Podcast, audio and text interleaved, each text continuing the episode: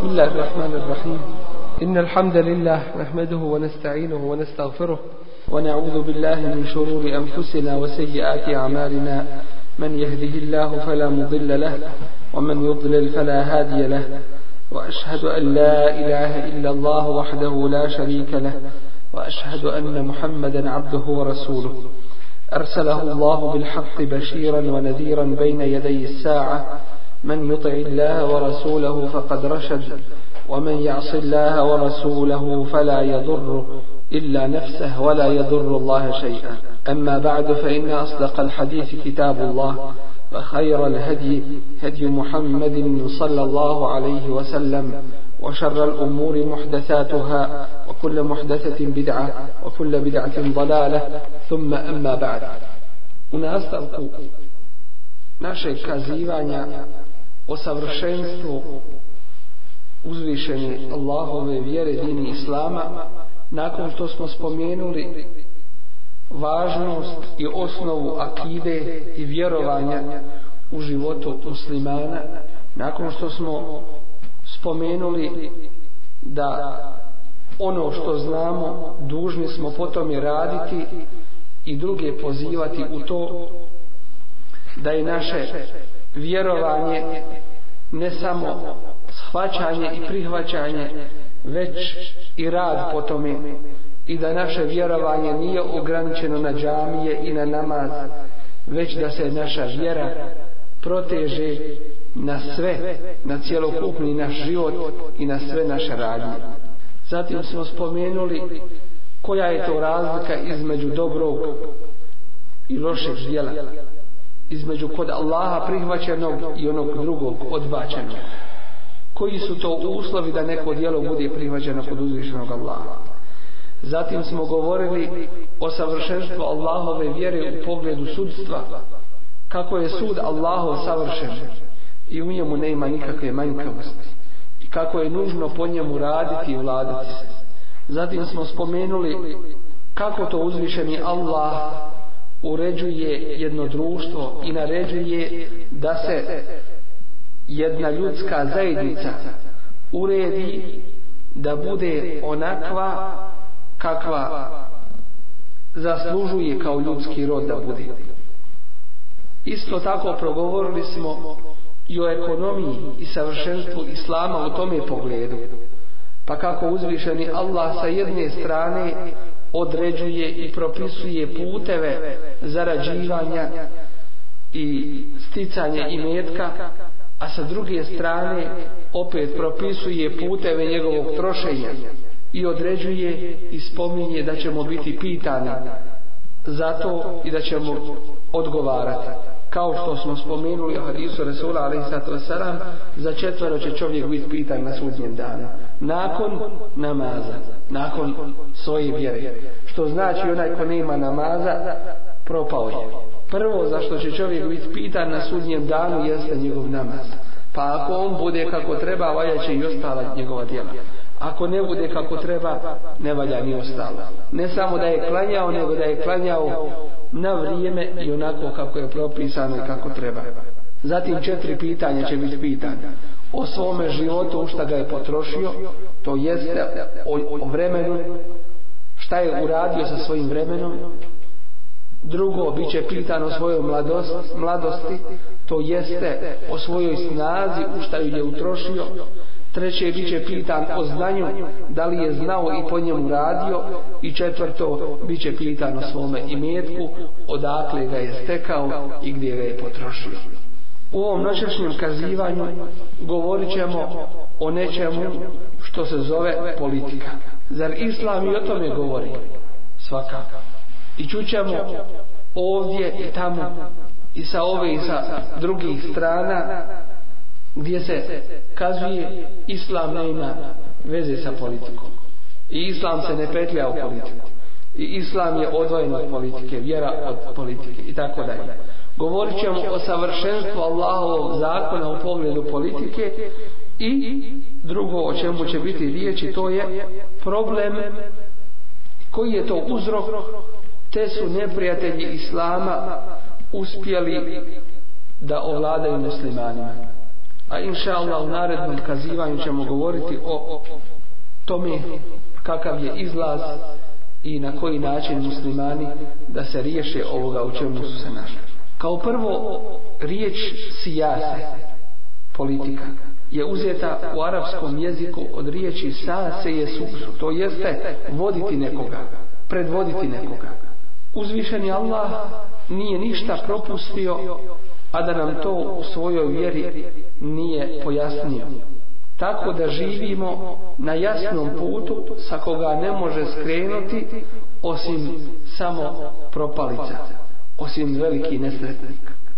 Tako je u poslovima koje mi smatramo da nisu toliko bitni za društvo i zajednicu, a i sa onima od kojih ovisi jedno društvo i njegov obstanak.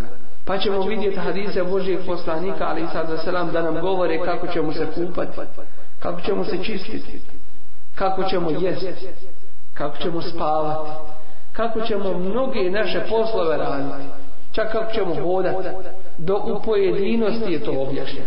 A kamoli da nije bilo govora o vođenju naroda, kako se predvode i vode narode šta se to smije, a šta ne smije u pogledu toga. Poseban predmet ima na islamskim univerzitetima koji se izučava. A zove se Esijasetu šar'ije, šarijatska politika. To jeste način vođenja jednog društva kako to propisuje uzvišeni Allah. Bilo Kur'anom, bilo sunnetom Rasula Ali Sadrasana. Oni koji govore da islam ne daje svoju riječ u politici svakako da griješi a to njihovo griješenje dolazi iz dva izvora prvi izvor je to što smatraju i misle da se islam ograničava samo na džamiju ili samo na jedan uski krug ibadeta namaz, post, zekat, sadaka hađ i tako da. A da, u pogledu drugih poslova vezanih za društvo, da Islam tu ne daje svoju riječ. Svakako da u tome griješe, jer kuranski ajet kaže ona خَلَقْتُ الْجِنَّ وَالْإِنْسَ إِلَّا لِيَعْبُدُ Nisam stvorio ni ljude, ni džine, ni zbog čeg drugog, osim da mi ibadet čini, da me obožava. Da li mi možemo neprestano biti na namazu ili stalno u postu Stalno učiti Kur'an nismo u mogućnosti. To mogu meleke. Yusebihuna lejla wal nahara la jeftur. Oni uzvišenog Allaha i dan i noć veličaju, ne prekidaju to nikako. Stalno su ibadete. Mi nismo u mogućnosti da budemo u ovim ibadetima stalno. Iako nam ajet kaže da nas je uzvišeni Allah stvorio samo zbog ibadeta. Dakle, ništa drugo ne smijemo u svome životu raditi. Osim samo ibadet. Odgovor na to je da je ibadet svako dijelo sa kojim je zadovoljan uzvišeni Allah. Sve je to ibadet. Pa imamo nužne ibadete, farzove, pa imamo dobrovoljne ibadete. Ali sve u čovjekovom životu ulazi u ibadete. Pa oni koji su shvatili da je ibadet samo namaz, oni su rekli politika, ekonomija i drugo ne ulazi u ovo područje. Drugi izvor njihovih riječi jeste to što vide da današnji političar i oni koji vode narode u mnogome su prevaranti su oni koji uče kako će varati i zavoditi narode. Pa kada se kaže političar, to je kod mnogog naroda jednako lopov. Spletkar, kaže on je dobar političar. Znači zna lopovnog. Pa sa te strane kažu islam ne ima nikakve veze sa politikom. Zašto? Zato što je islam čista vjera i istina i pravda. Ne ima veze sa lopovlukom. Pa u tome djelimično su u pravu, iako sama ta konstatacija iza koje stoje je pogrešna. To jeste, ne može se islam ravnati prema ljudima i dotičnoj situaciji u kojoj se oni našli, već se ljudi trebaju ravnati prema islamu. A islam uređuje sve. I ono najvažnije, a to je naš odnos prema uzvišenom stvoritelju, i za toga uređuje naš odnos jednih prema drugima i onda sve ono ostalo što treba i prije toga što smo dužni raditi da bi naš život bio kako treba. treba da bi naš život bio ispravan, doličan čovjek, da se zove čovjek, da se ne spusti ispod toga nivoa. Wala kad karremna beni Adem. Jer uzvišeni kaže, mi smo počastili potomke Ademove. Ima tih stvari koje im ne dolikuju. I najbolji primjer imamo u Resulullahu sallallahu alaihi wa sallam.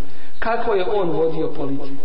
Politiku rata i mira ugovore sklapao sa ljudima dogovore ispunjavao i to je bio veliki jedan način pozivanja ljudi u islam da im se pokaže pravda i ljepota islama u svemu pa i u ovome velikom području, a to je područje vođenja naroda. Kako se vode narodi i kako se upravlja njima. To jeste kako će se šerijat uspostaviti među ljudima. I zato imamo manju i imamo veću tu politiku.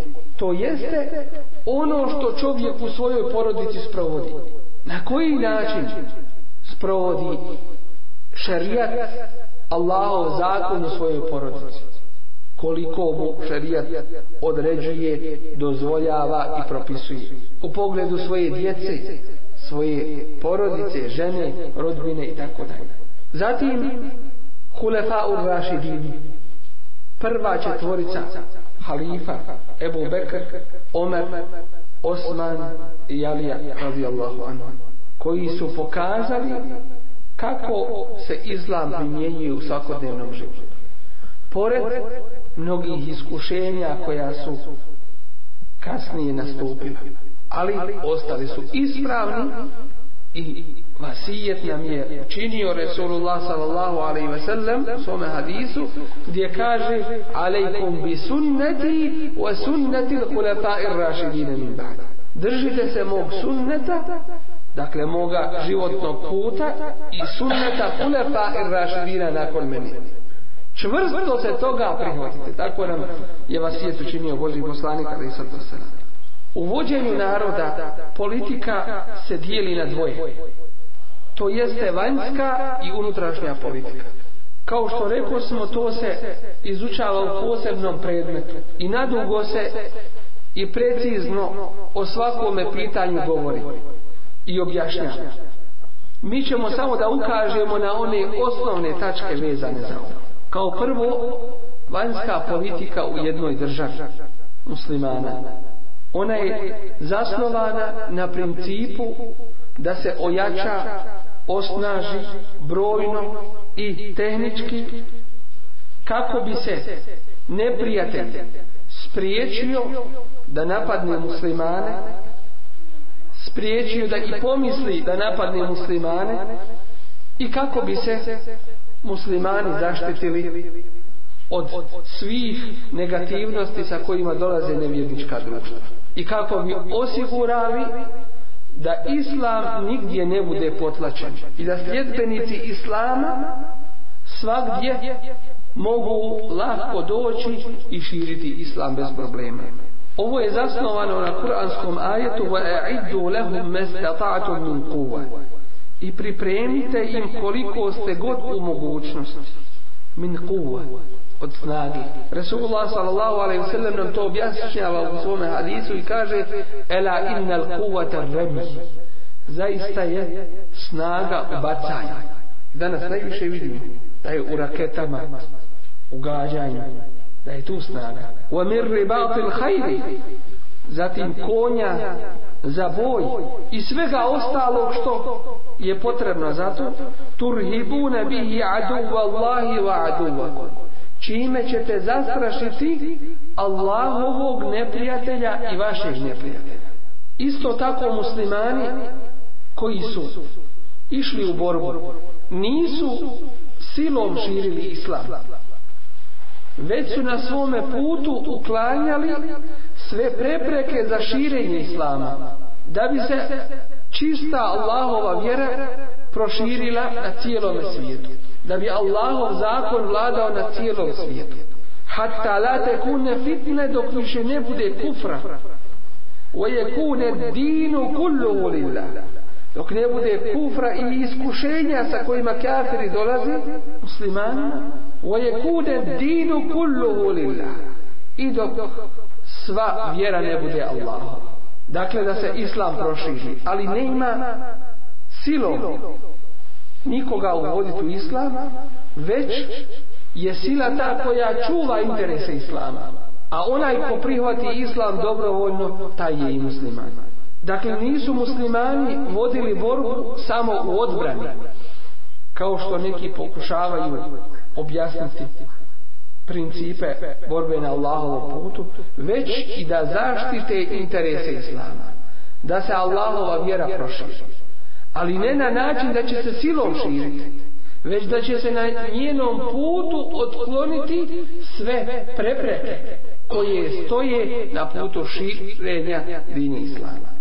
Kao drugo, jedinstvo muslimana, jer ne ima koristi od broja, niti od tehnike koja je pripremljena u pogledu vanjske politike, ako muslimani nisu jedinstveni. I pazite, ovo je jedan vrlo važan princip na koji danas bilo neprijatelji islama ili njegove sluge svjesne ili nesvjesne ili oni među muslimanima koji su u gafletu i totalnom nemaru pokušavaju ubaciti među muslimana. Jedinstvo muslimana je, muslimana je spomenuto u kuranskom ajetu wa'tasim. Čvrsto se prihvatite. Dakle, budite jedinstveni. Bi hadlillahi za Allahovo uže. Protumačeno u tefsiru, da je to Kur'an, da je to Islam. Dakle, ono sa čime je došao Kur'an i kako ga je protumačio sunnet Resula, ali i sato uopšte Islam, onaj izvorni, oko toga da se okupimo bi habli Allahi jami'an za Allahovo uže svi wala teferreku i nemojte se ni pošto razjedinjavati razilaziti tu je prava snaga muslimana u njihovom jedinstvu danas ćemo naći one koji pozivaju u nacionalne islame islam ove zemlje islam one zemlje islam ovoga područja ili onoga, islam ovog naroda ili onog naroda. Drugi ga opet pokušavaju isparčati, pa kažu to je politički islam. Drugi hoće da kažu to je ovaj islam koji se bavi samo ibadetima i tako dalje. Islam nije ograničen na narod niti na državu. Niti se islam smije shvatati da je dovoljno da se od njega uzme ponešto, a drugo da se ostane. Islam se mora cjelokupan uzimati, prihvatati i Islam je jedan, jedini i jedinstven za sve muslimane svijeta. I ne ima razlike između bijelca i crnca, Arapa i Narapa i u svim drugim područjima po čemu su ljudi raznoliki i raznovrsni, ne ima razilaženja u pogledu Islama. I kada bi se svi muslimani prihvatili toga izvornog islama kakav jeste, onda je to jedinstvo uspostavljeno. Jer su isti propisi, iste naredbe, iste zabrane. I to je vrlo važno da se shvati. Ima li išta mimo pravog izvornog islama da bi moglo ujediniti muslimana? Ili da je treće da ga se ljudi prihvate? Zasigurno ne ima jer da ima bolje od Kur'ana i od sunneta ne uzubila značilo bi da nam je Allah dao ono slabije a ostavi ono bolje značilo bi kao da ne uzubila Allah ne zna kakve će doći generacije kasnije i šta je za njih potrebno to je vezano direktno za našu akidu za naše vjerovanje zašto mi učimo Allah je sve znajući Allah je najmudriji Allah je taj koji je najmoćniji i tako dalje i tako dalje. Upravo da kroz ova Allahova svojstva shvatimo njegov vjerozakor, shvatimo njegovu vjeru, da nam niko sutra ne može doći i reći, e, uzmite islam, mi ćemo poštivati, stavit ćemo ga na rafu, pokrit ga peškirima, zamotati, a mi ćemo rad kako mi smatramo. Pa ovaj narod smatra jedno, onaj narod smatra drugo i koliko je naroda, toliko je mišljenja i razilaženja i jedne druge napadaju i obtužuju mjesto da se potpomažu wa ta'awanu ala birri wa taqwa. Potpomažite se u dobročinstvu i bogobojaznost, a nemojte se potpomagati wala ta'awanu ala al-ismi wal-udwan u grijehu i neprijateljstvu. Kada ti se kaže kuranski ajet, to mora da je neprikosnoveno kod tebe. Kada ti se kaže hadis Resula, ali i sato selam, ne ima toga ko može sutra doći i reći, nemoj mi to govoriti. Jesi li to ti postao za sebe svetinja ili Bog ne uzubila? Nemoj mi govoriti hadise. Šta to znači i kako je to svatanje ove Allahove vjere? odbacivanje ajeta i hadisa to je neuzubila za ono ko svata kufur i izlazak iz Allahove vjeri pretpostaviti svoje mišljenje svoje pretpostavke Allahove vjeri preće mi je ono što ja mislim i ono što ja smatam a to nije danas zarada fe nebe duhu vara ezuhuri pa su ga odbacili Allahov kitab za svoja leđa Ne kaže se samo ostavili, već ga odbacili. Nikad im više neće trebati. Ni podaštavaju ga. Kako? Allahov govor, govor Resula, ali i sato selam, tako i nosio se toga govora. Pa se kaže, nećemo takvoga islama. Nećemo islama koji govori i za svake rečenice kaže uzvišeni Allah. Allah. I za svakog propisa kaže hadis. I hoćemo islam kako smo mi naučili i kako nama drugačije rečeno paše. Kako nama odgovara. Mi hoćemo sebi prilagođeni islam. Pa neka Allah uzmišeni ne uzubila popusti nama, a mi nećemo se prilagoditi islamu. Kao neka Allah privati ovo ovako kako smo mi radili. A mi ćemo ovo ovako smo mi se dogovorili i ovako nama odgovara.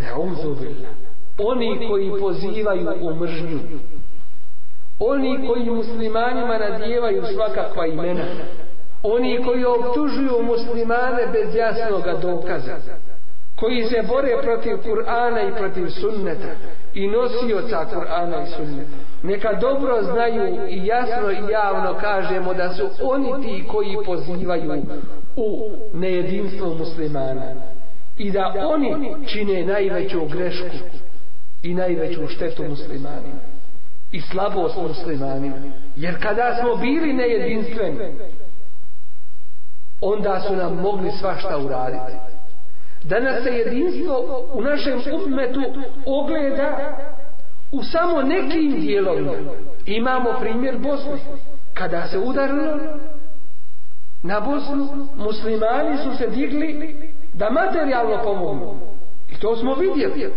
Sredstva su velika prilila se i došla za pomoć muslimanima i odbranu muslimanima.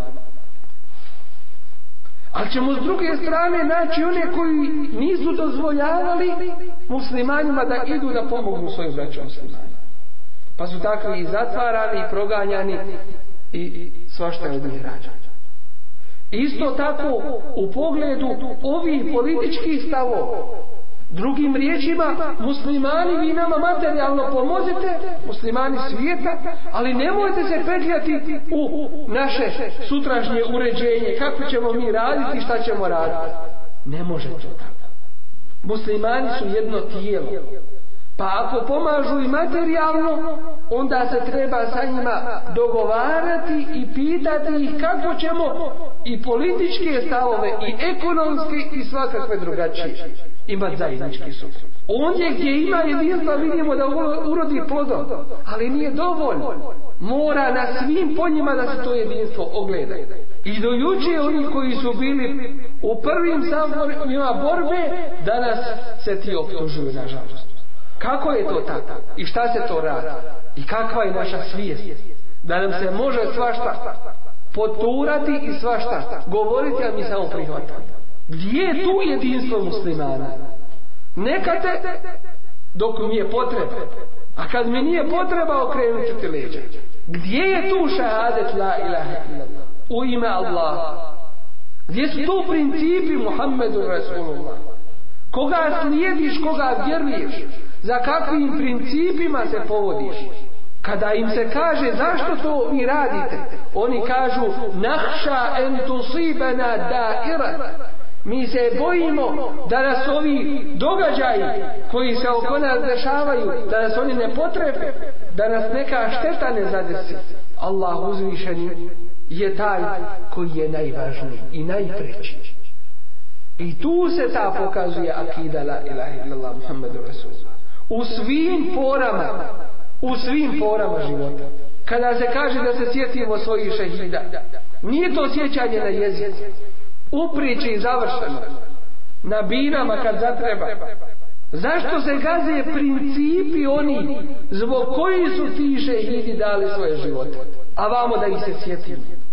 Akida se u svemu ogleda jedinstvo muslimana. Kaže nam uzvišeni Allah وَلَا تَنَازَهُ I nemojte se prepirati. A prije toga kaže وَأَطِيُ اللَّهُ وَرَسُولَهُ I slijedite Allaha i njegovog poslanika. To je put da se ne prepirate. Ali da opet šeitan među vas nešto ne ubaci, opet nam to potvrđuje. وَلَا تَنَازَهُ I nemojte se prepirati. Jer imate jedan Kur'an, jedan sunnet. Fetev šelu. Pa ćete onda klonuti, izgubiti snagu. Vatevhebe rihukum i bez borbenog duha ostati. Kako će se slijediti Kur'an i sunnet?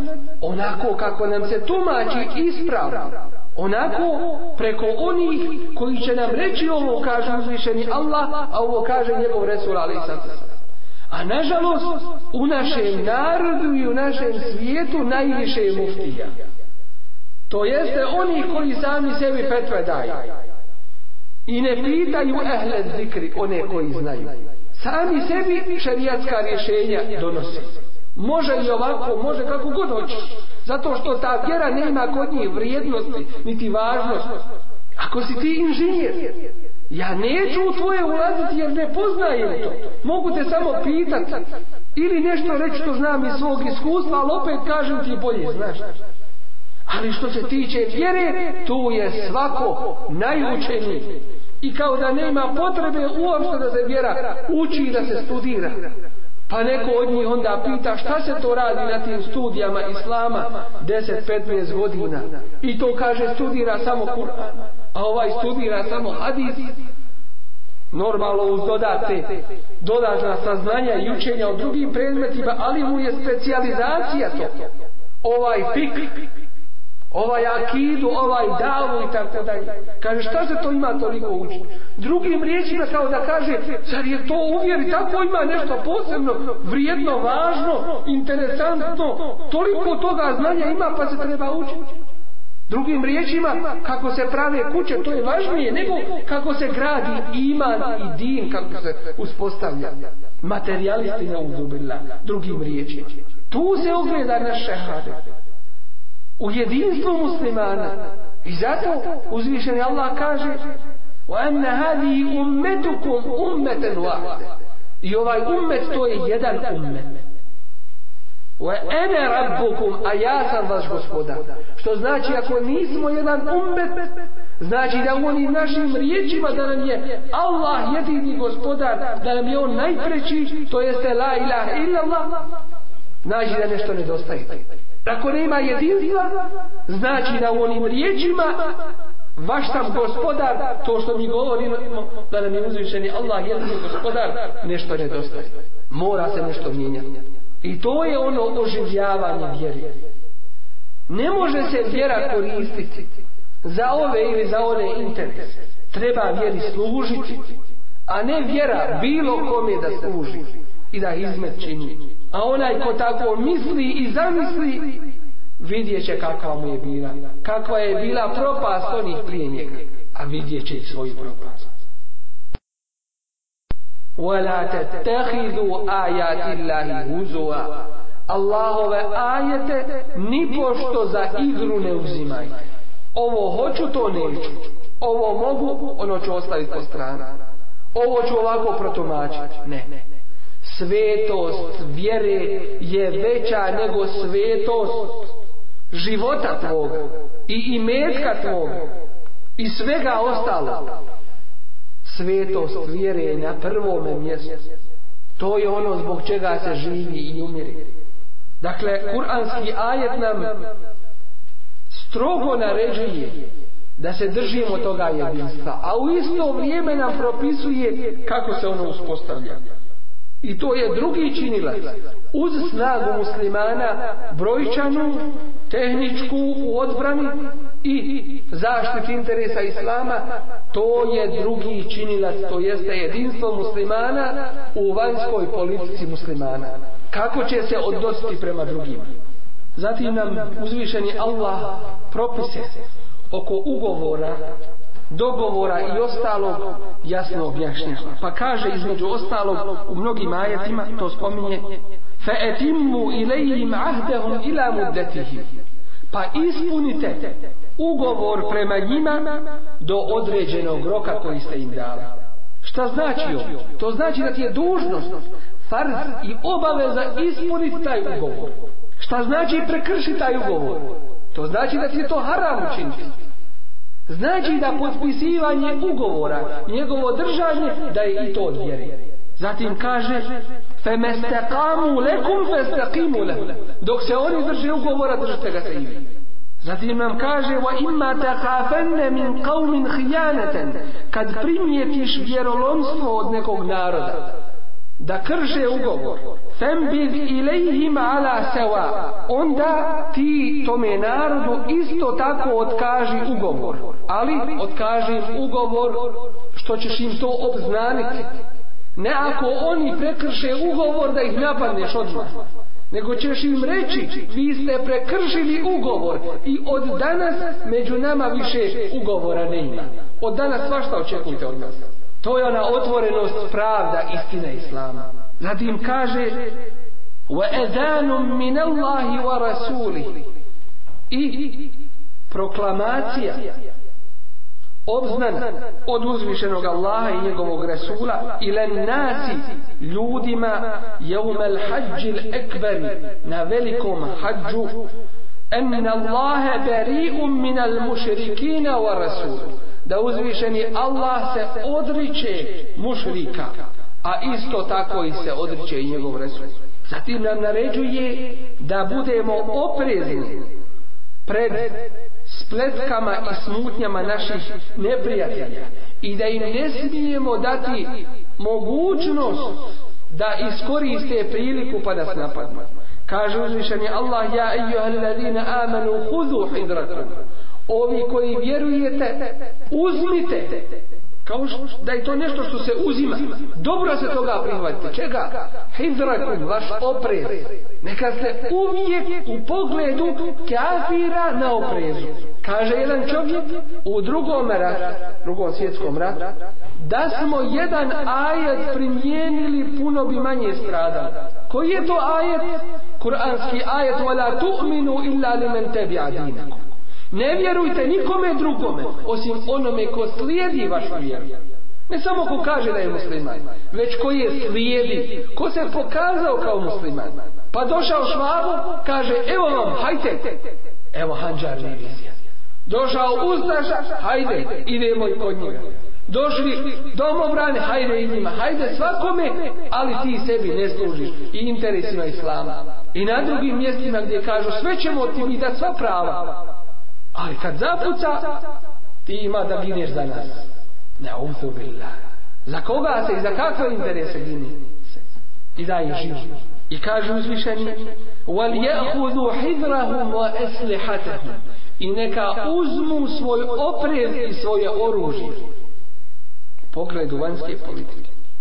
وَالَّذِينَ كَفَرُوا Vole oni kafiri, nevjernici. لَوْ تَغْفُلُونَ عَنْ أَسْلِحَتِكُمْ Da hoćete se zabaviti vašeg oružja. To jeste da ga zaboravite pa da vas tada napadne. Da ga ne radite kao jedna zajednica, kao jedna država, da ga ne proizvodite, da ne čuvate granice svoje da niste na oprezu pa bi oni to iskoristili priliku da vas napadnu. Što se tiče unutrašnje politike muslimana osnova je da se u tome nastoji uspostaviti mir i sigurnost unutar jedne zajednice i da se nepravde otklone i da se prava ljudi uspostavi i ostvari. Opet ovo je zasnovano na pet pitanja. Kao prvo pitanje, u unutrašnjoj politici muslimana jeste očuvanje vjere, što je najvažnije. Što nije u ovim društvima nemuslimanskim uspostavljeno. Oni će svojim državljanima dati materiju. Ali je sve učinjeno da izgube dušu, da izgube vjeru. Pa ćemo vidjeti u tome pogledu da su mnogi od njih gori nego stoka. Napredovali u nauci i tehnici, ali u toj nauci i tehnici napredovali kako bi više sebi štetili. Kako bi olakšali nemoral. Kako bi olakšali nemoral kako bi se bankovnim sistemima raznim upravljalo i drugi iskorištavali i tako dalje i tako dalje na moralnom pogledu su pali islam uspostavlja to jedno jedinstveno društvo da bi se vjera uspostavila zato je šarija sa svojim propisima došao da očuva vjeru i od toga je hadis Božije poslanika alaih sallatu selam men beddele dinehu faktulu ko od muslimana promijeni svoju vjeru, kazna mu je smrt. Zašto? Jer to znači da se odriče onih najuzvišenijih principa, odriče se istine. Jer kod nas muslimana nije sve jedna. Niti može biti kao što neki pozivaju u to, da kažu sve vjere su jedna. Bože sačuvaj po principu vjera koja je objavljena Musa u alaihi selam i dok se nije iskrivila priznata kod uzvišenog Allaha isto tako kod Isa alaihi ali nakon što dolazi novi poslanik kada se Isa alaihi selam pojavio nema više vjerozakona Musa u alaihi selam čak i ako se primjenjuje nije prihvaćen kod Allaha jer dolazi novi vjerozakon kad se pojavljuje Muhammed sallallahu alaihi wasallam pored toga što su iskrivljene vjerovanje prijašnje vjere i da su očuvane ne bi imali pravo raditi po njima sjedbenici tih vjera jer je došao novi Allahov poslanik ima da se sluša ima da, da se pokorava onaj ko ostavi svoju vjeru vidi islam to znači da im je iznevjerio jer to je istina on je već rekao šehadet la ilaha illallah i zato ne ima prava s njega da se vraća zatim očuvanje života ljudskog pa je od tih principa kuranski i sunnetski kisas to jeste vraćanje istom mjerom Ako je neko ubio, ima da bude ubijen. وَلَكُمْ فِي الْقِصَاسِ حَيَاتُ Vama je obstanak u takvim propisima. To jeste za ubijstvo, ubijstvo. S tim što je došla olakšica u našem šarijetu vjerozakonu, za razliku od Musaovo, ali i selam, jer je u njegovom bilo samo oko za oko, zub za zub i tako dalje. A u našem je isto to uz mogućnost oprosta. I isto tako kaže uzvišenje Allah, kutibe alikum ul-kisasu fil qatl. Naređeno vam je u pogledu ubijenih da ubijete ubice. E, jeste da izvršite tu odmaznu, istom mjerom. وَمَنْ قُتِلَ مَظْلُومًا A onaj ko bude ubijen bespravno فَقَدْ جَعَلْنَا لِوَلِيِّهِ سُلْطَانًا Dali smo mogućnost njegovom nasljedniku da odgovori. Svakako neće on to sam sprovoditi, to vlast provodi. Da odgovori istom mjerom, dakle da ubica bude ubijen. Zatim islam dolazi sa očuvanjem razuma. Pa kaže uzvišeni Allah, ja i juhalladine amenu innama l'hamru, ovi koji vjerujete. Drugim riječima, vjerujte Allahu što vam govori innamal khamr samo je alkohol wal maysir i kocka wal ansab i kumiri wal azlam i one strelice za gatanje rijsun to su ništa drugo već odvratne stvari min ameli šeitan od šeitanskog posla feđteni buhu, pa ga se klonite, la alleku tuflihu, da biste uspjeli. Da nas države cijeli podpomažu kockarnice, dozvoljavaju ih. Ogromne su štete, procijenjene milijardama dolara, koji alkohol donosi sa sobom. Amerika je pokušala 1920. godine da ukine alkohol vidjevši kolika je šteta u njih. I ta zabrana je trajala tri godine, do 23. godine. Ali u tome periodu tajno pijenje alkohola se još više proširilo. I ne samo to, već proizvođači alkohola nisu mogli biti kontrolisani, pa su svakakve vrste izlazile potajno na tržište, pa su trovale onda još više ljude. Ne ima promjene bez Allahovog zakona niti iko može uspostaviti kako treba red mimo Allahovih propisa. U hadisu se kaže kullu muskirin haram, sve što opija haram je. Ma eskere kefiruhu fe kaliluhu haram. Ono što u velikoj količini opija i u maloj količini je haram. Haram je haram. I ne smije se to uzimati. I zato su uspostavljeni islamski propisi da bi se sačuvalo društvo od ovog velikog zla. Koliko je ljudi izgubilo posao radi alkohola? Koliko je napravilo saobraćajnih nesreća radi alkohola? Koliko ih se pomiče po bolnicama radi alkohola? Koliko je porodica unesrećeno radi toga, te nesreće i toga alkohola? Dakle, dakle ogromne su štete od toga. Države koliko zarade na proizvodnji alkohola još više potrože na štetama i na liječenje. Kada se uzme sve ovo u obzir. Zatim, unutrašnja politika muslimana se bazira na očuvanju poroda. Zato je uzvišeni Allah zabranio ne samo zinaluk, već sve što vodi tome putu. وَلَا تَقْرَبُوا الزِّنَا I ne približavajte se zinalu. Šta to znači? To jednostavno znači hadis Resula a.s. kada se muško i žensko osame, treći je šeitan sa njim. Ne kaže se slab musliman ili ovakav musliman ili onakav musliman. Kada se muško i žensko osame, treći je sa njima šeitan govori se o onima koji nisu jedni sa drugima u bračnoj zajednici ili dakle koji su nepoznati jedni drugima ili daleko nisu rodni. I zato šerijat je spriječio i dao da društvo ostane čisto. Ali pogledajmo jednu samo uporedu.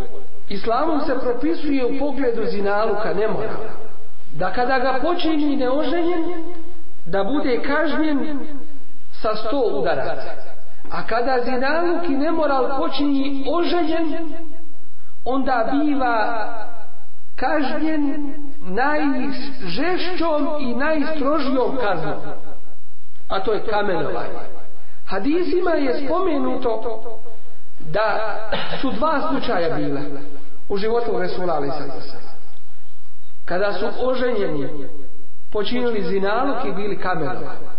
Ali nakon ta dva slučanja nema nemora. Ili je sveden u najmanju mjeru, ne može se primijeti nigdje. Neprijatelji Islama kažu Islam je žestok. Islam vidite kakve propise donosi. Ne gledaju na to kako je Islam očistio društvo od ovoga zla. Tolike bolesti koji je dolaze nemoralno. Rasipanje porodica, uništavanje djece, miješanje poroda, gubljenje prava, gubljenje pameti nakon toga i ostalo. Islam je došao rješenju za to. I hoće ih islamu da pregovore. Islam je na osnovu ta dva slučajeva riješio problem. A neće da kažu kada su bačene atomske bombe na Hirošimu i Nagasaki. Koliko je tu ubijeno krivog naroda? Ili naroda koji je skrivio nešto? Ili bolje rečeno, koliko je ubijeno nedužnog naroda? 200 hiljada!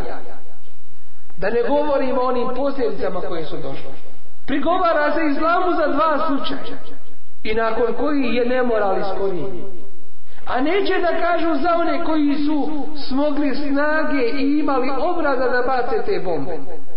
Pa dvijesta hiljada ljudi da strada. Zbog čega ni zbog čega.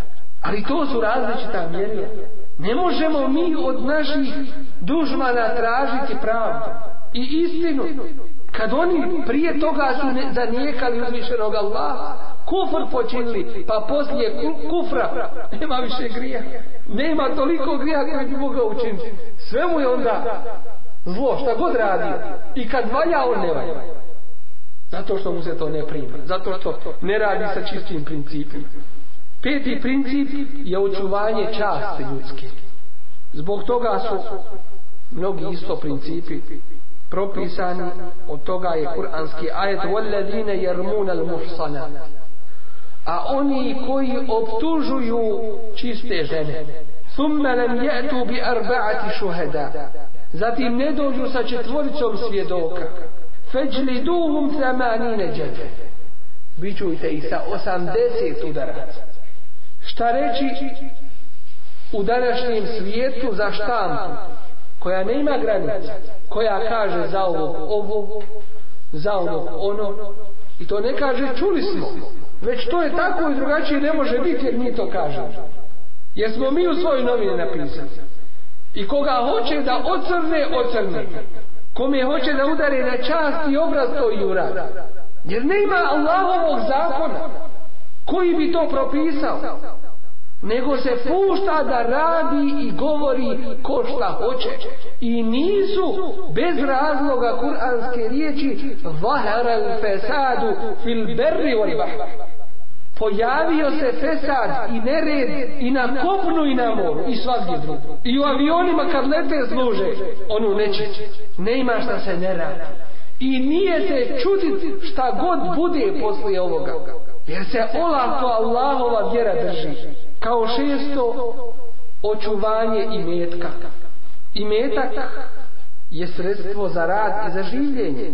Kao što je čovjeku naređeno gdje će ga sticati, isto tako naređeno mu je gdje će ga trošiti. I zato taj imetak ima svoj hurme. I zato su propisi vezani za kradljivca, vezani za zabranu iskorištavanje muslimana, zabranu prevare, zabranu svih onih vrsta nedozvoljene trgovine u kojima ima nepoznanica, u kojima ima mogućnosti da se nekom je šteta nanese. Od toga je zabrana, i to najstrožija zabrana kamata, bavljenja kamatama, bez obzira da li čovjek uzima ili daje, ili svjedoči ili piše, kao očuvanje principa i metka.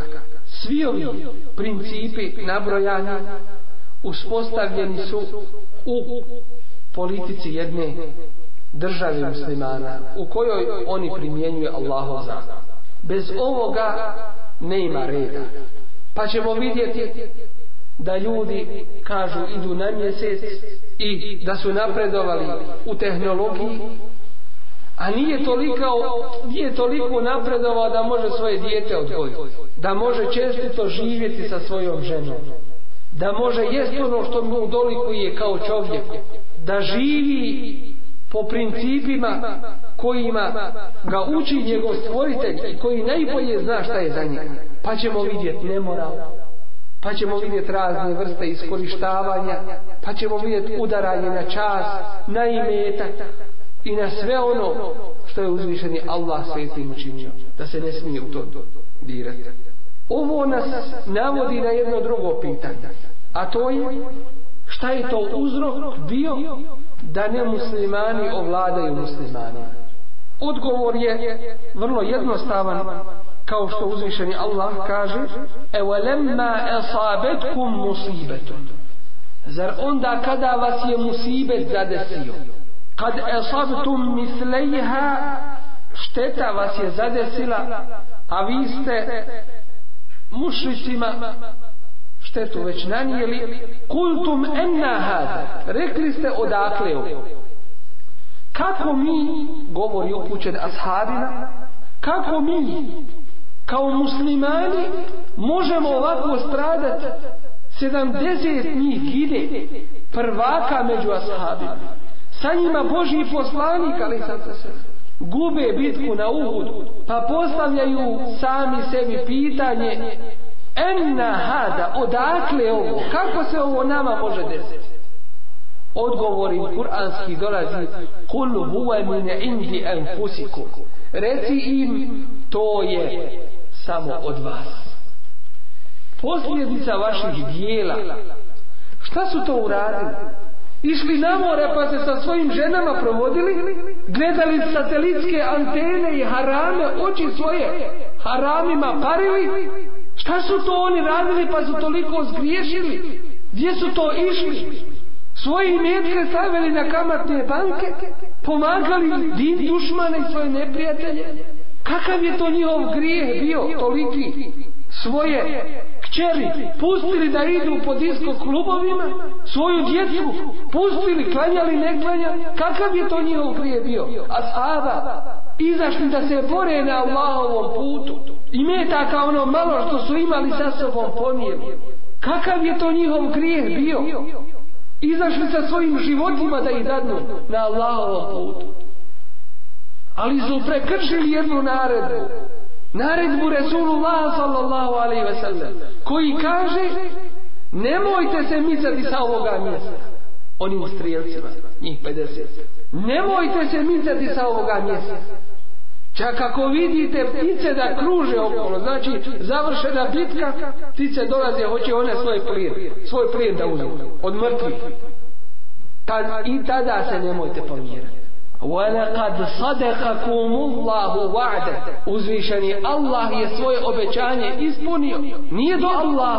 إِذْ تَحُسُّونَهُمْ بِإِذْنِ Kada ste ih nemilice kosili, ubijali.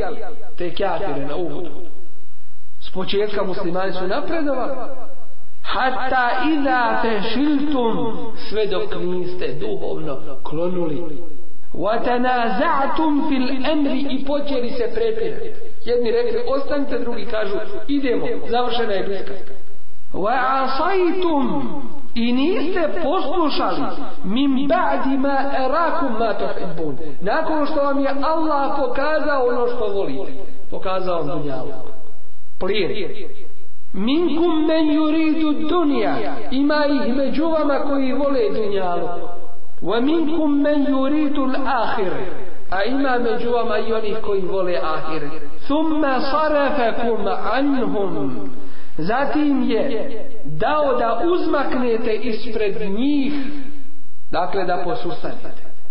Li jebete lijekum, da bi, da bi vas stavio na iskušenje veliko i Boži poslanik ali i sad to se Allaho poslanik i on je bio ranjen dva prednja zuba su mu mušnici izbili nekoliko halki od pancira mu se zabilo u mesu pa nisu ih mogli izvaditi već je došao poznati Ashab Zubeiru Mulavvam i izvadio ih i tako je polomio svoja prednja dva zuba Rana nije prestajala krvariti, rana Božijeg poslanika, ali i zato sam.